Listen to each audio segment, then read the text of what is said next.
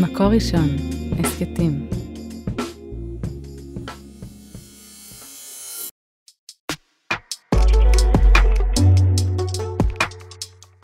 מזל אישה, עם ענבל דקל גולדברג. אני יוצאת למסע בכדי לגלות איך בינה נשית מסוגלת ואף צריכה לשנות את העולם באהבה.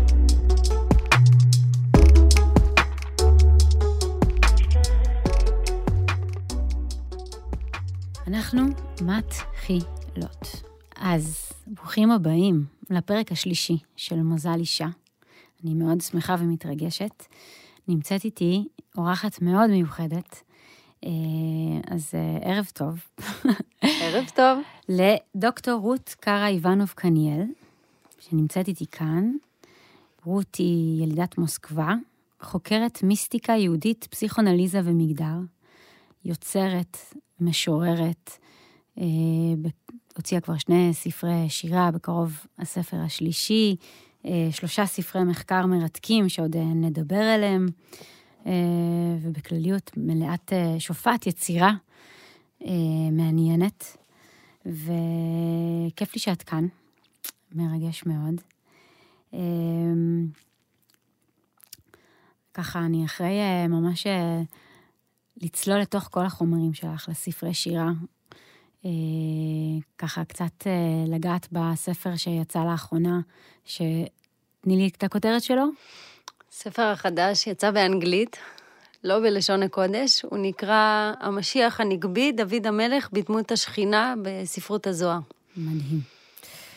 אז באמת כאילו, אי אפשר שלא להשתאות מול העשייה המעניינת, המיוחדת, הכתבים שלך, המחקר שלך, הנושאים המרתקים שאת אה, אה, בוחרת אה, וצוללת לתוכם. אה, ככה מתוך הצלילה לשירה שלך, שהיא מלאה בנופים אה, שונים, מגוונים, זרים, אה, גם של מרחבים, של ארצות שונות, כאילו הגוף נע במרחב, אבל גם הגוף נע בזמן, יש מין כזה שיטוט בין מרחבים, בין כאן בין עכשיו לעבר, בין הגוף כאילו של העולם הזה לגוף של העולם הבא, בין הרצון לחיות לרצון למות, בין הלידה למוות, האימהות, השמחה באימהות, לבין המרירות של האימהות. מלא מלא צבעים, מלא מלא דברים מעניינים.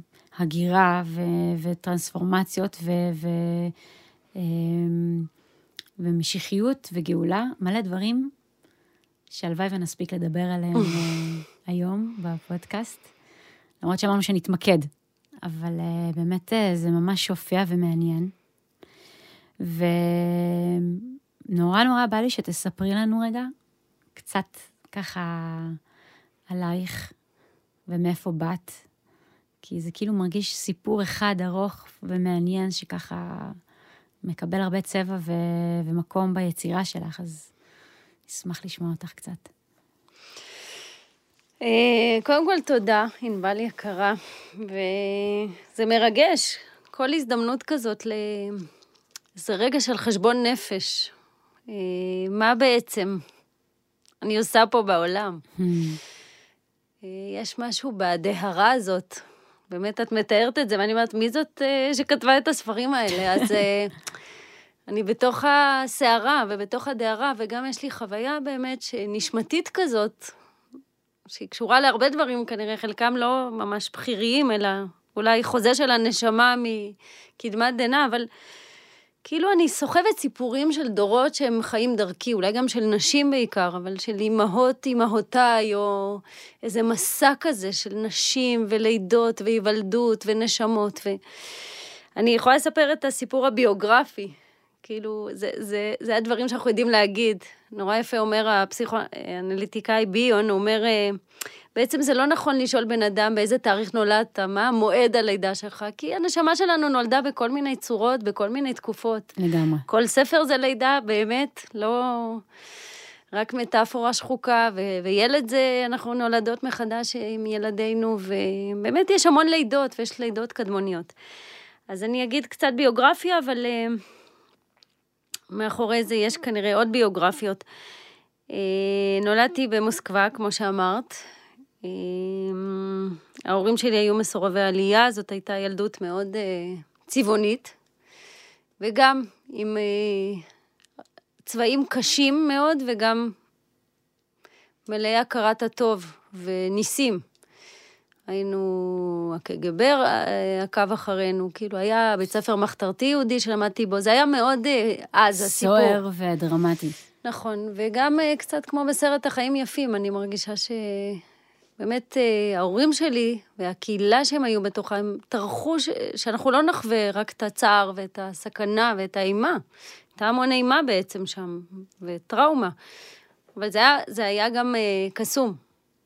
דיברנו הרבה עברית בבית, שרנו. Uh, היה לנו בית ספר מחתרתי, היו שליחים שמגיעים, היו מלמדים, אה, זה באמת הייתה ילדות יוצאת דופן, לא הלכנו לגן ילדים אף פעם. אנחנו שמונה ילדים, ארבעה נולדו שם וארבעה פה. אז אה, ככה, בתוך החממה הזאת של, של איזה עולם של אה, סוד ושירה ותורה ואנשים, והמון גם געגועים לציון. שוב, כמשהו ש... אני ממש כאילו יודעת לזהות בגוף שלי, מה זה געגועים לציון. וואי. זה דבר חזק. מאוד. ובאיזה גיל את עולה? אז אה, אני, אני הייתי בת שמונה, וככה אני חושבת על שתי תמונות שעולות לי כשאת אומרת, ספרי על הילדות, אז אחת אה, באמת בחרתי לשים על העטיפה של אה, ספר השירים השני, הנפש נעתקת, זה ציור של סבא שלי, זה מין יער כזה, שאני ממש יכולה אה, לדמיין את העצים, איך הם אה, מושלגים, ואחר כך הם אה, בסתיו, ואיך הם נושרים, וכתומים כאלה עלים, אז, אז היער הזה, שהיה צריך להיפרד ממנו. זה ציור מהמם. אתם לא, אי אפשר לראות את זה פה, אבל זה פשוט, אה, בשני השיר, ספרי השירה יש אה, שני ציורים ש... נכון, של בני משפחה, של, בני אה, משפחה, והם באמת... דוד שלי וסבא שלי, ששניהם ציירים, אבל ככה היער, אני מרגישה שהיער המושלג הזה, שאחר כך הוא הופך להיות גם כזה סתווי, ויש קצת שמש, ויש גשם בתוך השמש, כי באירופה וברוסיה יש גשם בקיץ, וזאת חוויה נורא יפה ומיוחדת. וגם התמונה של להיפרד מכולם. אמרו לנו, יש לכם כמה ימים לצאת מפה, אחרי הרבה שנים של אה, סירוב עלייה, ואני זוכרת את הבכי של הסבים, הסבתות, החברים, היה ברור שזה לעולם. וואו. כאילו, מסך הברזל, זה באמת היה...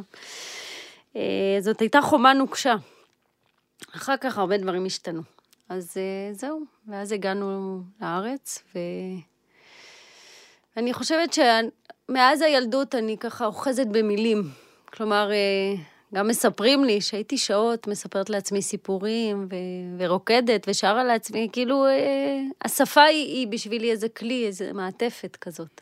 ו- ואת באה ואת אה, את יודעת קצת עברית, או שאת בעצם מדברת רק... כן, אה... אני יודעת עברית, וגם זו הייתה תקופה שלא היו הרבה עולים מרוסיה, זה היה לפני העלייה הגדולה, ואני זוכרת שהמונים באו לפגוש את פנינו, ולקבל את פנינו, וככה לפגוש אותנו, זה היה מאוד מרגש.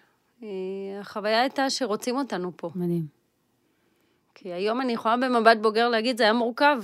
כל ההצפה הזאת של... אה, אה, השפע הזה, אבל הוא גם יכול לאיים. אז אני חוויתי את זה ש... שיש לי מקום. אולי דיברתי קצת מוזר, ויש לי כמה שירים גם על זה, mm-hmm. אבל בסך הכל אני מרגישה שזכיתי לקליטה טובה. כלומר, יש לנו במיתוס היהודי, במקרא אפילו, כל מיני דיבויים של הארץ. כן, גם ארץ אוכלת יושביה וגם ארץ זבת חלב ודבש. אני חוויתי את הארץ זבת חלב ודבש. מדהים. זה לא משהו שיצא לי לשמוע הרבה על קליטה טובה, אבל כאילו, אני רגילה לשמוע סיפורי הגירה שהם באמת הרבה יותר קשים. אני חושבת שבשנים האחרונות, אה, דור אחד ו... וחצי. ש... דור וחצי. כן, מתסק... חברתנו אלכס. בדיוק, חברתנו אלכס, כזה שככה מהמקימות והמנהיגות של זה, באים ומספרים סיפורים אה, אחרים, ו... אני באמת חושבת, אולי זה גם משהו שהוא קשור למה שאמרת קודם. כלומר, כשמסתכלים על זה במבט אה, של הנשמה, כן. הנשמה נזרקה הרבה יותר רחוק. כן. לעולם. אני, אני אגיד מה שאמרתי. לעלות לארץ. זהו, אני אגיד מה שאמרתי לך לפני שפתחנו את המיקרופון, שבשירה שלך אני כאילו מוצאת באמת את הדיבור של ההגירה, של, של מישהי שהגיעה מארץ אחרת, והיא תמיד, ככה, יש הרבה שירים שכל פעם את כותבת למטה, אוסלו, וכל מיני מקומות בעולם שאת מטיילת וכותבת בהם שירים, ואת תמיד מבקרת בהם, ותמיד מתבוננת כמישהי שהיא זרה, אבל זה לא רק כאילו מישהי שנמצאת בארץ זרה, אלא כאילו הנשמה זרה בגוף. יש כל הזמן בשירים טיול בין הגוף באר, בארץ הזרה לבין הנשמה בתוך הגוף. כאילו, יש מין כמה רבדים מעניינים ש... נכון, זה מזכיר לי דרשה בזוהר מאוד חזקה, בסבא דה משפטים, הזוהר אומר, בת כהן כי תהיה לאיש זר. מה זה בת כהן? זה הנשמה, ואיש זר זה הגוף. כן. עכשיו, אני ממש אה, מתפללת לא לחוות ככה. לא את הגוף שלי כאישה וכאימא, וכאילו לקבל את הבית הזה, להשתכן בו. אבל גם את הארץ הזאת, לקבל, לקבל אותה באהבה, כמו שהיא קיבלה אותי באהבה. אני מרגישה שזה עניין של התכווננות. כלומר, מצד אחד, בכל מקום אנחנו זרים. נכון. ו... והנדודים הם איזה צו כזה, גורל של... גם. זרים וארעיים. כן. נכון. וזה גם נותן לנו משהו. כלומר, אני חושבת, זה הסיפור של השכינה, העיסוק שלי הרבה ב, גם בלימודי הקבלה. כלומר, השכינה היא, היא כל הזמן, היא נוודת. ומצד שני היא הגואלת, היא הגואל.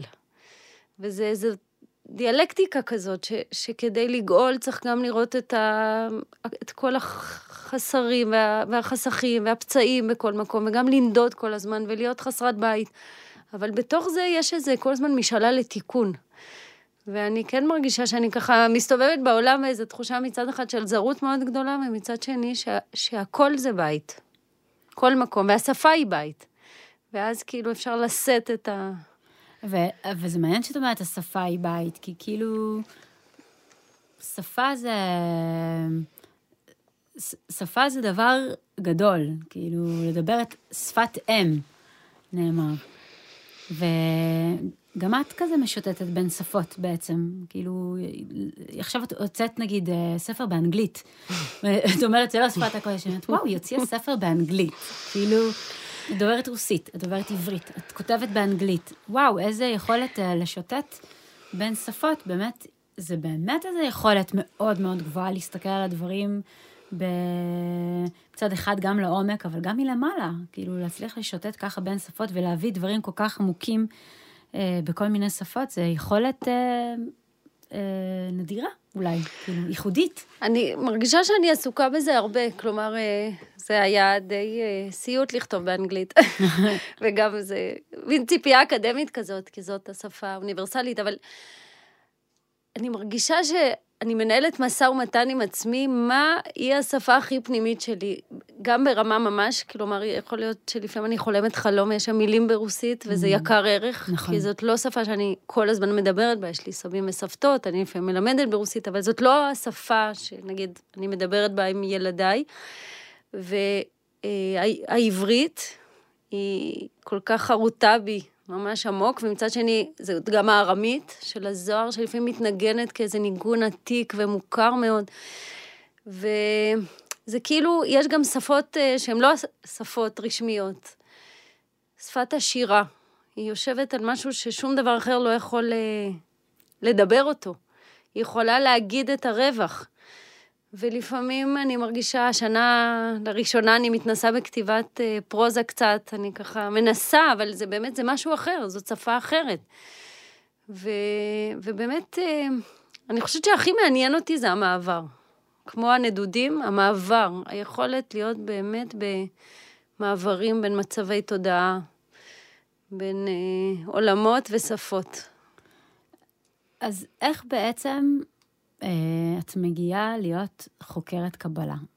איך, איך את בוחרת, כאילו, אה, שלשם את הולכת?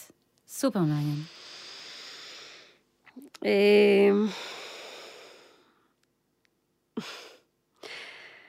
קשה לומר על, לפעמים על, שבחרנו. נכון. כלומר, אני יכולה להגיד ש, שזה בחר בי באיזה אופן.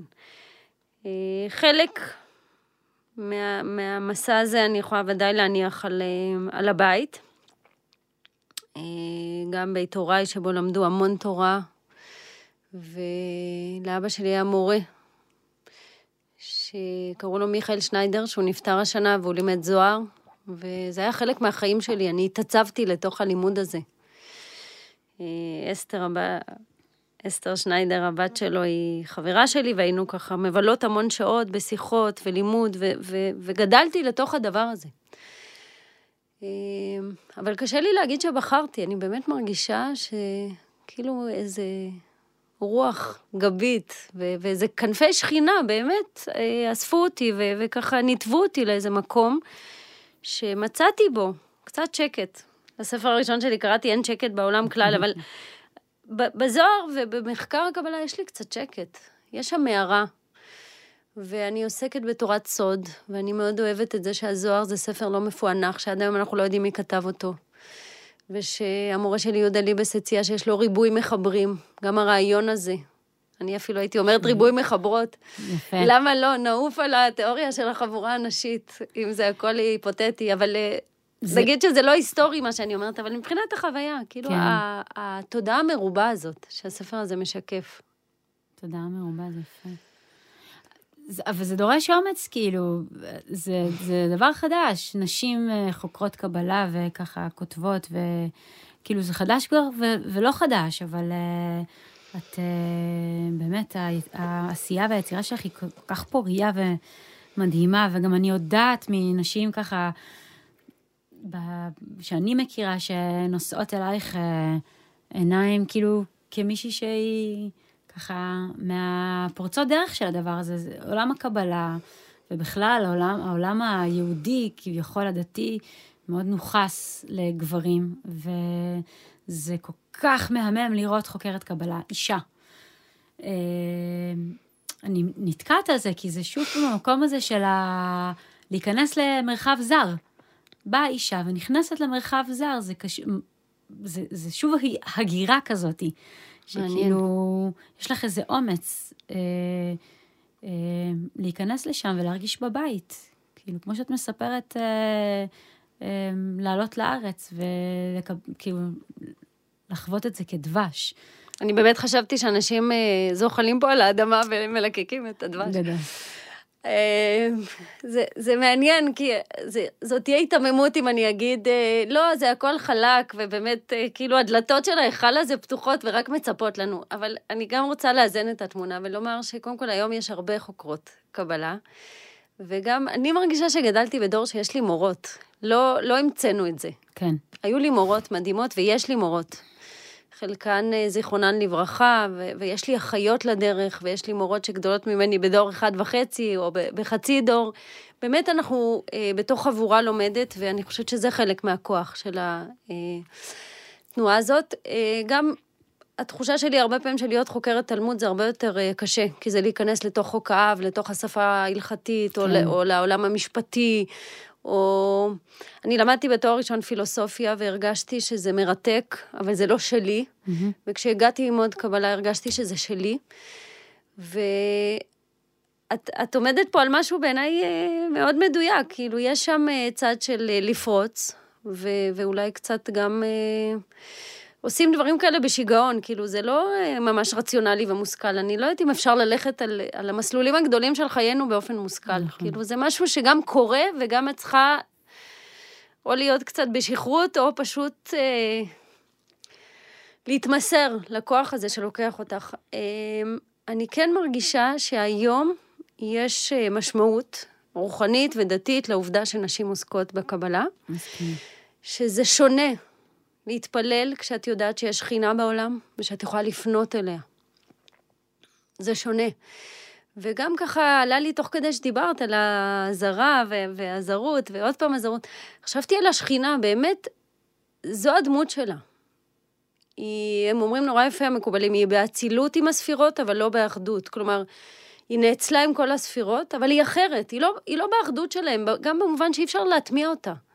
אז הרבה פעמים זה קשור לדברים קשים שמייחסים לה, כמו מיעוט הלבנה והפגם, או זה שהיא לפעמים מתהפכת ללילית, או יש לה צד שהיא אזוקה בנחש ויש לה זיווג איתו, או באמת היא, היא גם בעולם שלנו, אז היא קשורה לדינים של להיות בן אנוש ו- ו- ו- ולשבר, גם הנשי והאימהי. אבל היא פורצת, נגיד הכוח של השכינה לעלות ולהיות כתר מלכות מספירה תחתונה. הדגמים הללו, אני מרגישה שזה לא רק סתם קונסטרוקטים רעיוניים. כן. זה אונתולוגיה נשית, זה החוויה הכי קיומית שלי בעולם. אה, כבת זוג, כאימא, אני מרגישה שזה משהו שהוא... קשה לומר מהותני, אני נכנסת שם לבעיה מגדרית, אבל, אבל זה מהותני. יש שם משהו בסוד של המאבק הנשי בעולם. ובכל דור נשים עושות את המסע הזה של השכינה.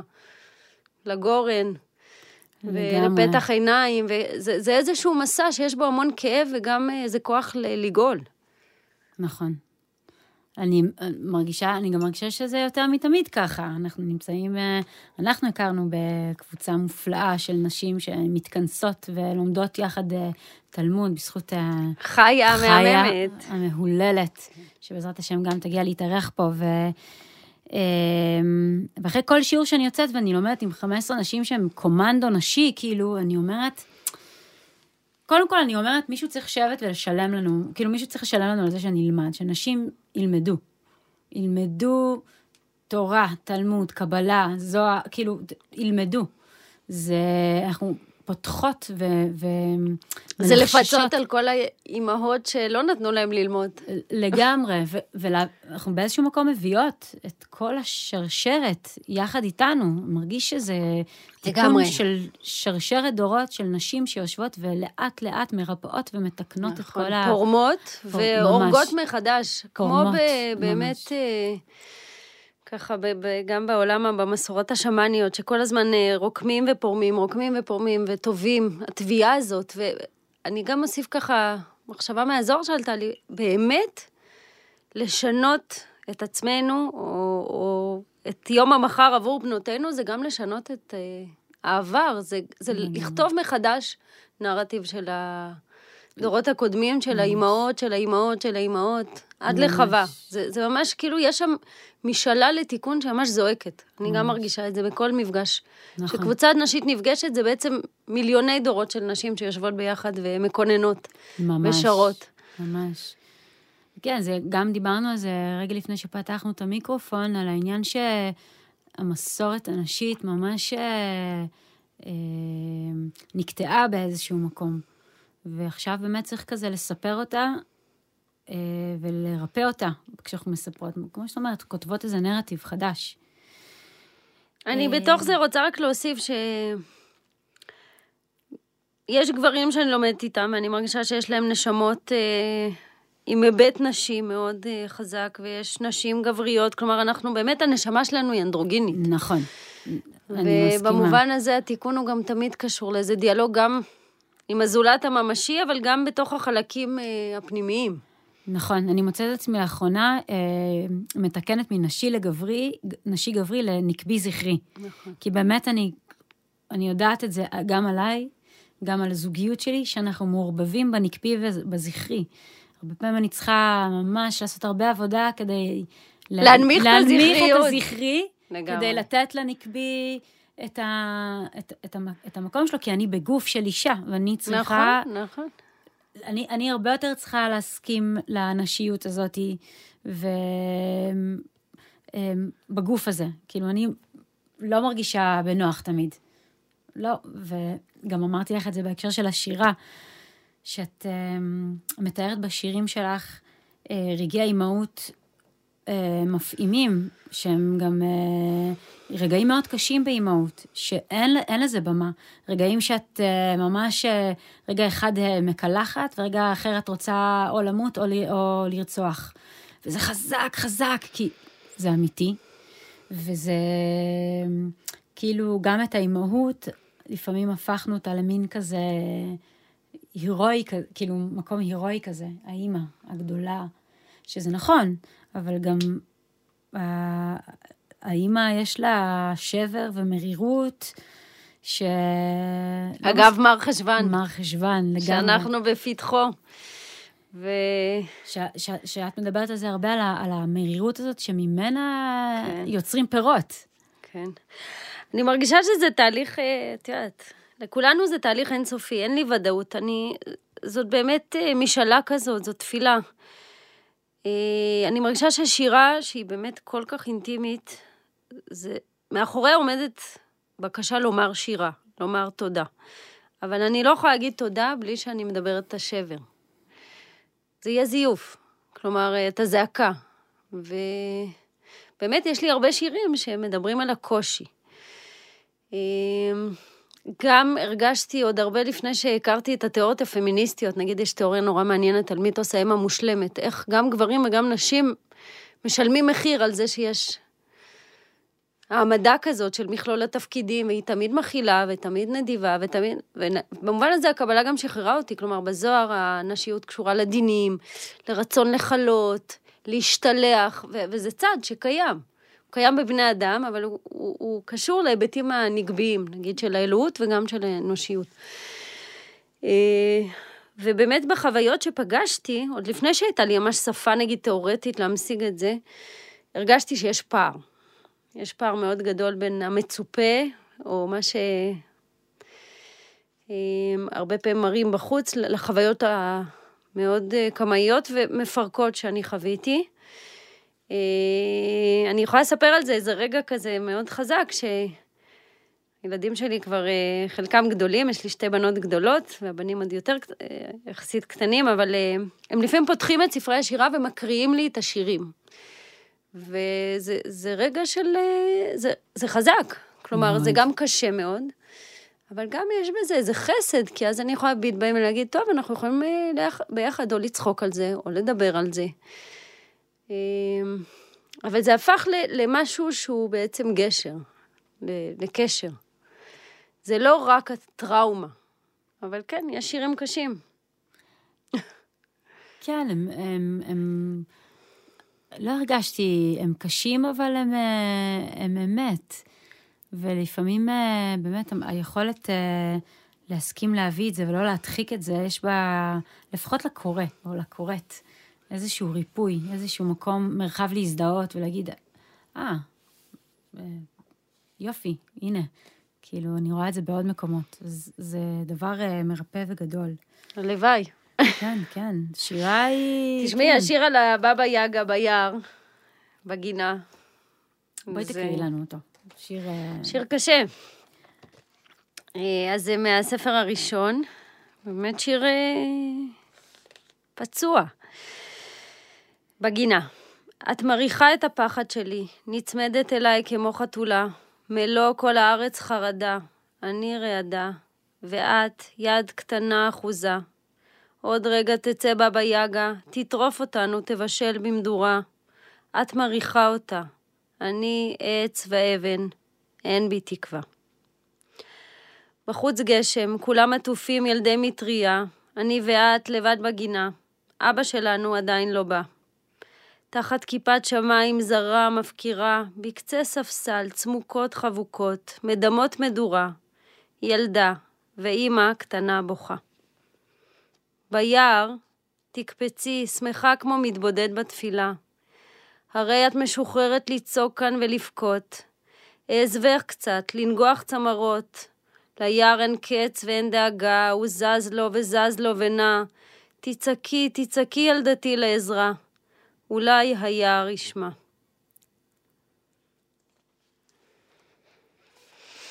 חזק.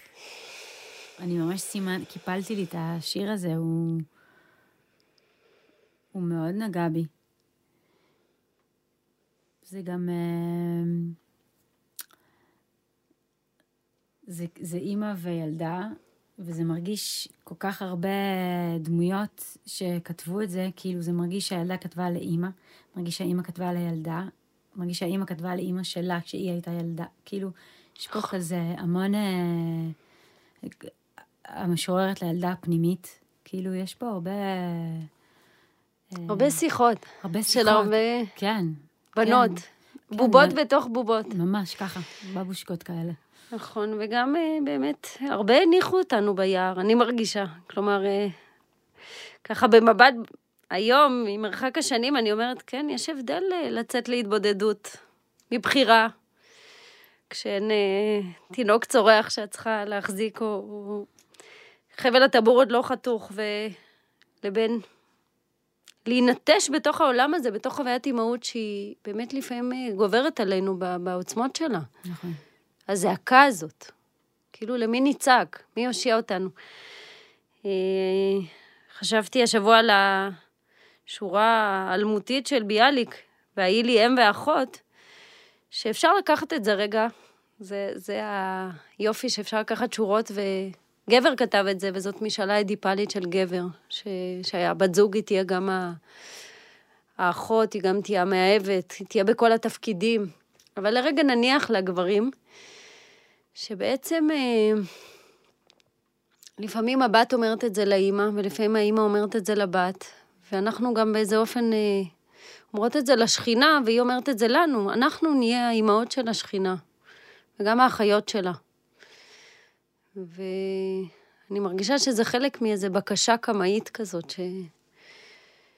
שאנחנו צריכות להיות אימהות ואחיות בו בזמן, זו לזו. בלי קשר לתפקידים של הדורות.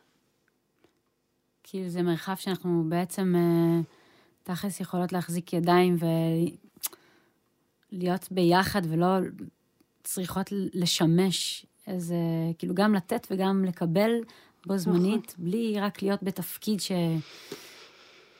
בלי תפקיד שתולש אותך תולש. מעצמך, ואז את צריכה להביט על עצמך מבחוץ. אני, אני מרגישה שזה חלק, נגיד, אם את שואלת מה, למה אני כותבת כל כך הרבה, אני קצת מתביישת בכל הספרים האלה, כן? לעשות ספרים הרבה, מי צריך את כל המילים האלה? ואני ממש מרגישה שהכתיבה אצלי זה לשמור על איזה קו חיים פנימי שאומר, אפשר להיות בתוך, בתוך הלב, בתוך הדופק, בתוך החוויה, ברחם.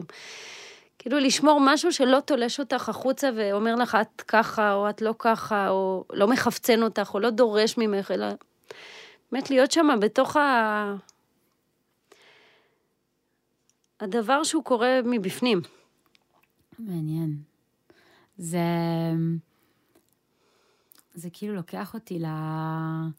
לספר המחקר האחרון שלך, שהוא מסקרן אותי בטירוף, כי אף פעם לא חשבתי על הגואל כמהות נקבית. אמ, כי נתקע לי הדוד, המלך, המלך, הזכר, היפיוף, האומן, הרב... כן, גבר גבר גב, לגמרי. גבר. לפחות ב... על פניו במקרא, באפוס. גם כאילו בביוגרפיה שלי, שאני כאילו אה, חוזרת בתשובה, ואני נשואה לחוזרת בתשובה, וחוזרים בתשובה מתים על, ה, על דוד המלך. עם כל האלפי, הגיבור בעל אלף הפרצופים. האומן, השבור, הגמור, כן. הזועק. הזועק, המתפלל, המתבודד. והחוטא.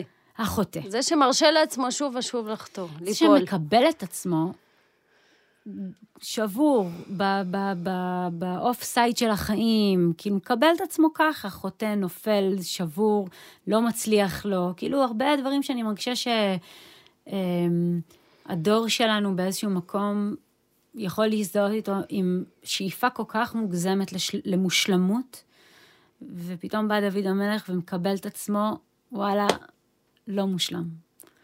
וזה מאוד מאוד חזק. אז פתאום גם לחשוב עליו בהקשר של uh, מהות נקבית, אמרתי, הופה. uh, טוב, אני קודם כל אומר שעברתי הרבה ביחס שלי אל דוד. Uh, מגיבור שקצת הוקסמתי ממנו, ובאמת יש איזו פסינציה. היה שלב שממש הוא הפך לגיבור ש, שלמדתי לשנוא. ואחר כך למדתי להביט בו מרחוק, ו- ועברתי ככה תהליכים. הכל לכאורה כאילו מהתבוננות אה, מחקרית, אקדמית, אבל תמיד מה שאנחנו חוקרים הוא עוסק בנשמה שלנו, אז אה, זה אף פעם לא, לא מרוחק לגמרי. אה, זה התחיל בזה שכתבתי בספר הראשון, עוד בדוקטורט, על האימהות של המשיח, ובאמת בזוהר יש חירות אדירה, להגיד שהאימהות של המשיח הן זכריות, כי הן עושות מעשה. והן באות לגאול את העולם, והן יולדות כנגד מוות ורעב ומצוקה וכיליון העולם בסדום, הן שוב ושוב אה, גואלות את עצמן. ו... ואז שאלתי את עצמי, אז מה הסיפור של הבן? וראיתי שיש כל כך הרבה חומר שהיה ברור שזה צריך לחכות, באמצע כתבתי ספר שלקח לי עשור על הלידה, חבלי אנוש, וחזרתי לדוד. וגם הרגשתי שאני חוזרת במבט יותר בשל, פחות מוקסם, או לא רק מוקסם. ומצד אחד חשוב לי לומר שהזוהר עושה משהו שהוא לא תגלית חדשה, זאת לא באמת מהפכה, כי גם לדוד יש פנים שונות במקרא. יש לו את הצד שהוא הלוחם וכובש הערים ואנשים, אבל יש לו את uh, מזמורי הטילים ואת נכון. איש הלילה, כלומר יש לו צד אחר גם. נכון. והוא באמת מקרקר ומפזז, ויש לו צד נשי, ולו במובן הזה שהוא מרשה לעצמו להתפרק. כן. וליפול. אז זה כבר משהו שהוא לא מושלם, נכון. במובן גם אפילו של האתוס היווני, של הגבריות הסגורה, השלמה, היותר נוקשה נגיד, שהיא תמיד מוחזקת. אה, בספרות חז"ל, דוד הוא ממש גבר. והוא גבר אה, שמשליכים עליו אפילו תפקיד רבני. הם אומרים, כל האומר דוד חתן או אלא טועה. יש דרשות אה, די מטורפות על דוד בתלמוד. הניסיון לנקות אותו מאשמה ולתאר אותו תלמיד חכם שמטיף לאחרים, שהוא מישהו משפיל אותו בית המדרש. שוב הניסיון להפוך אותו לדמות מאוד מאוד מושלמת, כאילו... כן, או, או בעיקר גם להגיד, הוא כמונו, הם מתארים, מתארים אותו כשופט שדן בענייני שפיר ושיליה, במקום מי שרצח ו... ו והפריד אישה ובעלה, הוא מחבר אה, אישה ובעלה, והוא דן בענייני דמים. מתוך שדה הקרב, זה הופך להיות שדה הקרב של התורה, יש משהו, ואז אנחנו מגיעים לזוהר בימי הביניים, ובאמת לא מנסים לנקות את דוד, אבל אומרים שהוא השכינה. עכשיו, אפשר להגיד על זה הרבה דברים, ובאמת בספר אני עוסקת גם בתפקיד של הדימוי הזה מול הנצרות של התקופה, מול הטענה שהייתה לנוצרים שהיהודים הם אה, נשיים או נגביים, גם אמרו שיש להם וסת וכולי, ואיך הם אמרו, בסדר, אנחנו נהפוך את זה למקור כוח. Mm. באמת, אנחנו נהיה הנקבה הזאת. אה, גם סביב שאלות של חטא, שאם הוא אישה, אז הזוהר מתאר את דוד כבת חן המלך, שמפתה בעצם את אלוהים, ואז הוא לא ממש אחראי לחטא. כי זה בעצם איזו התחטאות כזאת ופיתוי אה, נשי, והצטעצעות כמעט. ואלה באמת הצדדים שאני מרגישה שהכלים המגדריים נותנים לי לראות את הרווח וההפסד בזה שמזהים בין הגואל לבין אה, השכינה. אבל uh, ברמה אולי היותר uh, עמוקה, אני, אני רוצה כאילו לנסות להגיד משהו, למה כתבתי את הספר הזה, ואני באמת מרגישה שכל אדם כל הזמן מחפש גאולה. והמשיח ו- יכול להיות דמות, כמו שהיה בעולם העתיק, שבאמת היו דמויות שהן בין האדם לאל, גיבורים כאלה אדירים, והוא יכול להיות דימוי. כלומר, לכולנו יש איזה דימוי של הגאולה. לכולנו. אני חושבת. אני, אני, כי אני, אני אובססיבית, אני תמיד אומרת את זה, אני אובססיבית לגאולה, ותמיד אני קונספירטיבית בקטעי גאולה, ותמיד אני... עוד, נראה לי עוד לפני שחזרתי בתשובה, זה בבילט אין הנשמתי שלי, שאני... וכל uh, משהו שקורה, אני אומרת, הנה, זה בא. כאילו, בדרמה, אני גם חיה בסרט, כאילו, שהוא uh, דטרמיניסטי, גאולתי, ו... ככה אני חווה הרבה דברים. והרבה עם הקורונה, שאמרתי, הנה, זה בא. עכשיו, אני מאמינה. אני רואה שהוא... הרבה אומרים לי, עולם כמנהגו נוהג. נכון, אבל באמת זה יפה, אני חושבת, כשקוראים אה, טקסטים קבליים, פתאום את לומדת שיש כל כך הרבה גוונים לגאולה. וזה לא רק גדול. נכון. כלומר, זה לא רק הקונספירציה, או זה לא רק אה, נס, או סדרי בראשית משתנים, אלא באמת אנחנו רואים את זה ודאי בחסידות, ששם יש רעיון של גאולה אישית, אבל זה בעצם מתחיל כבר בזוהר. שהגאולה היא, היא תהליך של העבודה עם השברים שלך. זה בעצם תפיסה של מהי גאולה? איך, איך אה, החבוש יתיר את עצמו מבית האסורים, למרות שבן אדם כאילו לא יכול להוציא את עצמו, אבל רק הוא יכול להוציא את עצמו. ויש משהו בהתעקשות הזאת של הזוהר להגיד, דוד הוא השכינה. השכינה, אגב, אה, איך שהתחלנו את השיחה היום, היא הגולה והיא הזרה, והיא מושלכת, גם מתוך הספירות וגם מהעולם האנושי, והיא בין לבין, והיא כל הזמן בתנועה, והיא מחפשת את מקומה, והכנפיים שלה שבורות. מה, כל הדימויים הללו בעצם, הם מושיבים על uh, מסע החיים המסוכסך והמסובך של דמות מאוד מאוד צבעונית. שהיא בעצם מיטלטלת, כן? כף הקלע הזאת, הדימוי של אביגיל, כל כך יפה. ואת נפש אויביך יקלנה. זה קשור לחיי דוד, כף הקלע היא באמת דימוי בזוהר לנשמות שהן מיטלטלות, הנשמות שלנו מיטלטלות בכף הקלע, את אמרת לנשמה שהיא זרה בגוף. אנחנו צריכים למצוא לנו את המקום, ובטח אם אנחנו חוזרים לפה בגלגולים, שזאת הייתה אמונה של מקובלים רבים, שהחיים שלנו לא נגמרים כשאנחנו מתים, אנחנו חוזרים כחלקי נשמות, אנחנו כל הזמן בתנועה הזאת לעבר איזשהו תיקון. אז בעצם המשאלה לגאולה להושיב אותה על דמות נשית, או על האלוהות הנגבית, זאת אמירה מאוד חזקה, שכאילו רק הגוף הזה שיודע להיפרם, ולהיקרע, ולזעוק, וללדת, ולהיסגר, ועוד פעם. לפי הזוהר, שכינה חוזרת גם להיות כל פעם אה, בתולה. כאילו, היא גם, אה, יש לה יחסים מרובים והמון ארוס, והיא גם בתולה. אז כל הדינמיות הזאת והטרנספורמטיביות הזאת, זאת אמירה בעיניי נורא מעניינת על, על איך עובדים עם החומר שנקרא גאולה. לא רק באמת בגדול, אלא בתוך ה... איך, איך גואלים אפילו את היום. את כאילו מחדשת לי משהו מדהים, שבעצם גאולה היא תנועה. היא לא... בראש השנה אמרתי, אני רוצה להפסיק לחשוב גאולה כדרמה, ובאמת להבין שהדברים הם, הם קורים בקטן, הם כאילו יומיומיים, הם פשוטים, ופתאום באמת את מיישבת לי את זה ש... כמו שאת אומרת, אה, זה פשוט לעבוד עם השברים, לעבוד עם השבר, זו, זו תנועה. נכון, תחשבי גם על הזמן הזה, אנחנו באמת נפגשות פה גם אה, שתינו צוהלות בשמחה, כי לא פשוט עם ילדים קטנים ומשפחה, ועוד אחרי, בשנת קורונה, ואחרי הקיץ עוד החגים. ואני חושבת ברמה האמיתית, אה, רבי נחמן אומר את זה על כל יום, אבל זה, זה ודאי נכון על ראש השנה, שהיום מתחיל צער, ואז הוא הולך ומתרחב. כמו הזעקה של ה... זה כמו השופר, וכמו הזעקה של היולדת על המשבר, שצריך לפתוח. ובאמת, ראש השנה שהוא בכסף, הוא בכיסוי, והחגים, אנחנו בעצם מכוסים, אפילו הסוכה, שכמה שזה חדווה, והשמחה של החג, זה רחם, וזה עוד פעם להיוולד, וזה עוד פעם מהחושך לצאת, וזה עוד פעם לצעוק.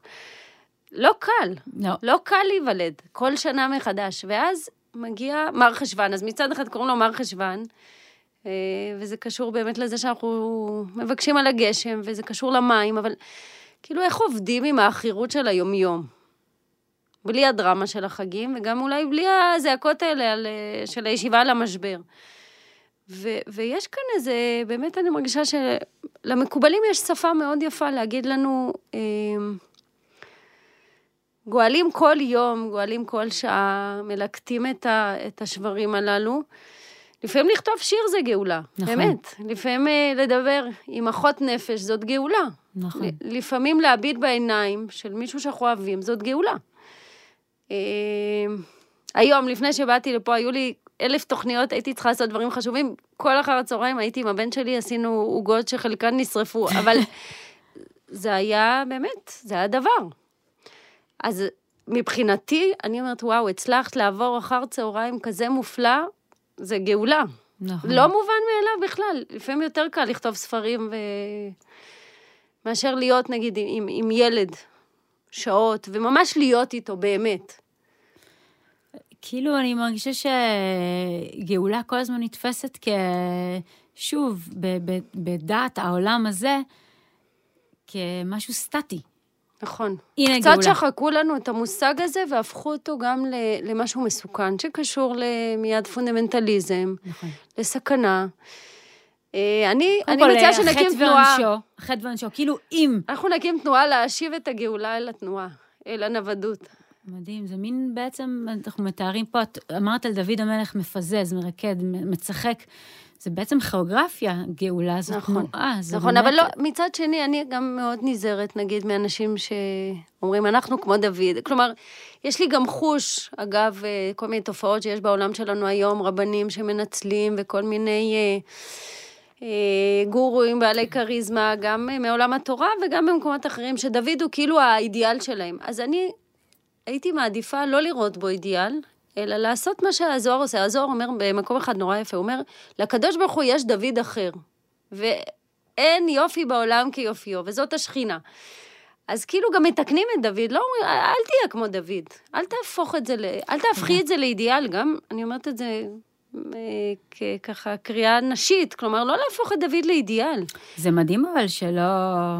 שכתבת עליו ספר ולא התאהבת, כאילו, שוב, אני באה ממקום שכאילו מאוהבים בדמות הזאתי, ואיך אפשר ש... שוב, כל האידיאליזציה שעשו על, ה... על השבור, האומן המהמם הזה, שהוא גם מלך, אבל הוא גם כאילו... אה, הוא גם נורא יפה. הוא גם נורא יפה, והוא גם נורא מוכשר, הוא באמת כתב... וגם מותר לו הכל. נכון. אני... אז, אז איך לא התאהבת? כאילו... אני חושבת שממרום גילי, ה... ה... עברתי את ה-40, ואני מרגישה שגם אם היינו עכשיו פותחות שיחה חדשה, שאין לנו כבר זמן לפתוח על מה זה אהבה, אז אה, קודם כל לאהוב זה גם לפעמים לשנוא. נכון. זה מלני קליין ואחרים. כלומר, זה להכיל את הרגש המתגושש. זה לא רק הכל אי אה, קסמות, אבל אה, יש משהו בעבודה השחורה של האקדמיה שאני נורא אוהבת, וככל שעוברות השנים אני אוהבת את זה יותר. אמ, זה מכריח אותך לעמוד מאחורי המילים שלך ולבחון אותם שוב ושוב ושוב, וכשאת כותבת ספר עשר שנים, אז uh, התהליכים האלה, ויש משהו שמתברר תוך כדי הכתיבה.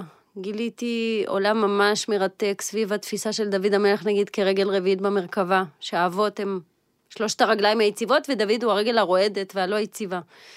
וזה היה מאוד יפה לראות איך השתמשו בזה אחר כך שבתאי צבי ורבי חיים ויטל, החבר והתלמיד של הארי, או המקנא הגדול של הארי.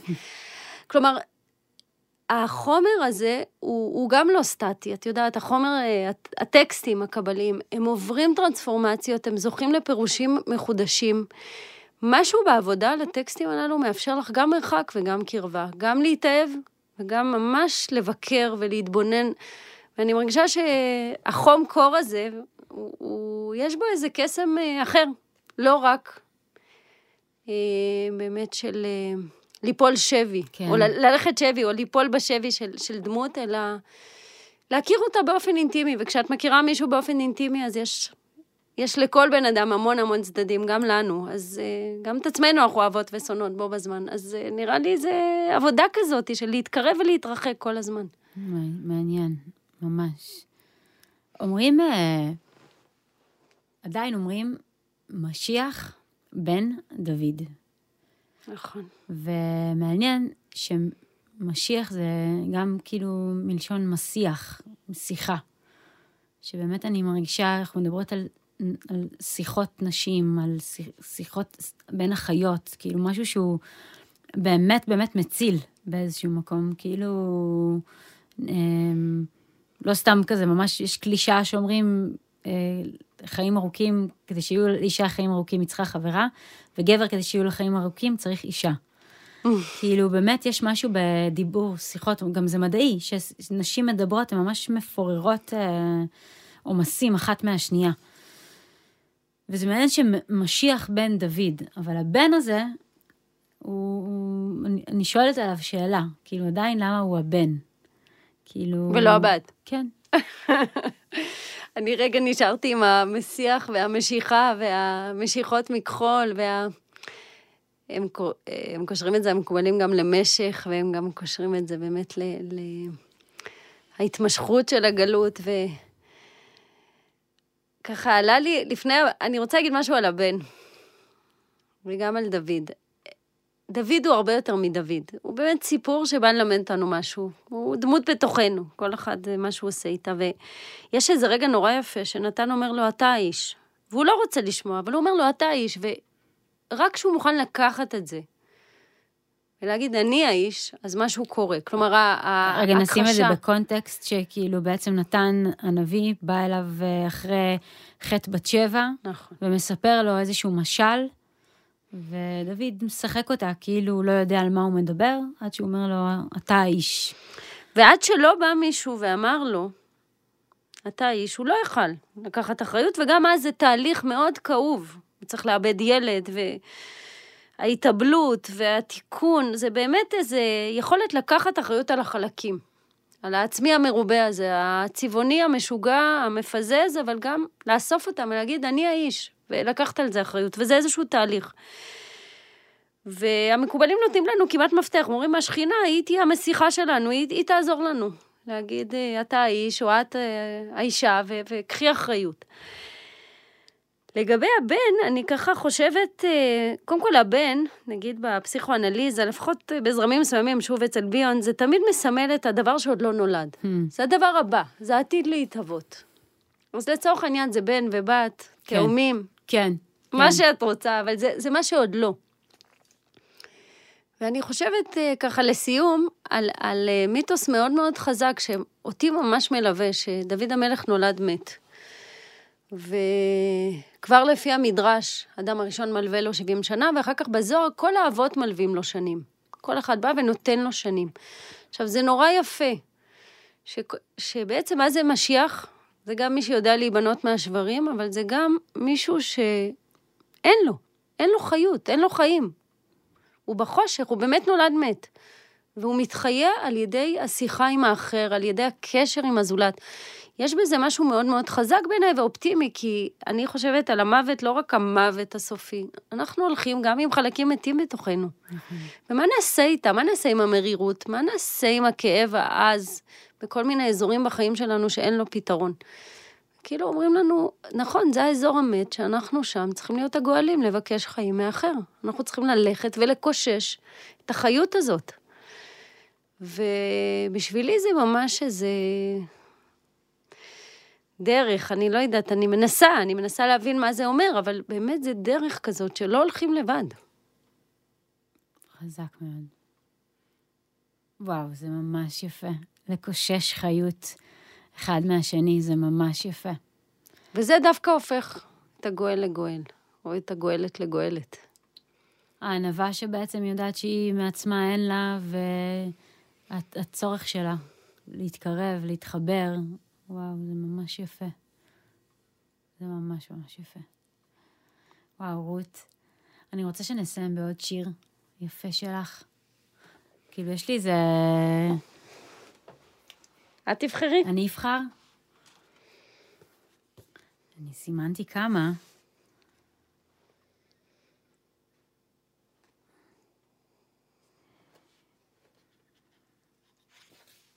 טוב, זה, זה, זה שיר שממש, ממש, יש, יש פה כמה רגע. טוב, מתבקש, הנידון לחיים. קצת, לא? נתב... להסתיים ככה. למרות שיש פה באמת עוד כמה שירים נפלאים, ו... מתוך הספר של הנפש נעתקת. זה הספר השני, נכון? ספר פשוט מופלא. הנידון לחיים. מי שמת פעם אחת יודע. האם ראית פעם נחש פורח באוויר? לתופסך בגרונך? לתלוש מעליך שמלתך?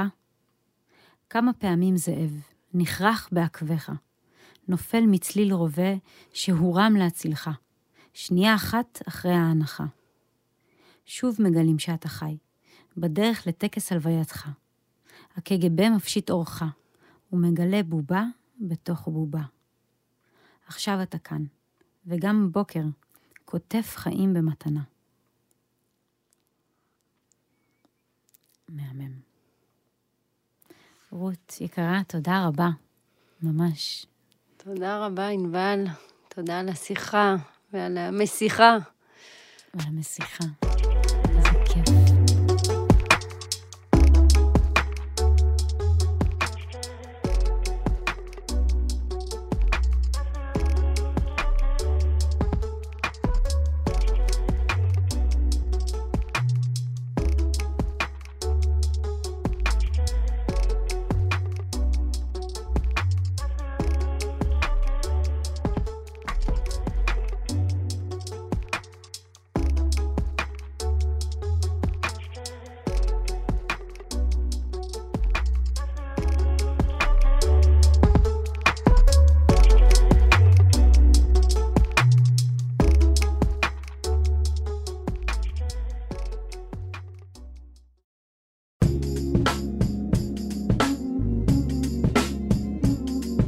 ראשון, הסכתים.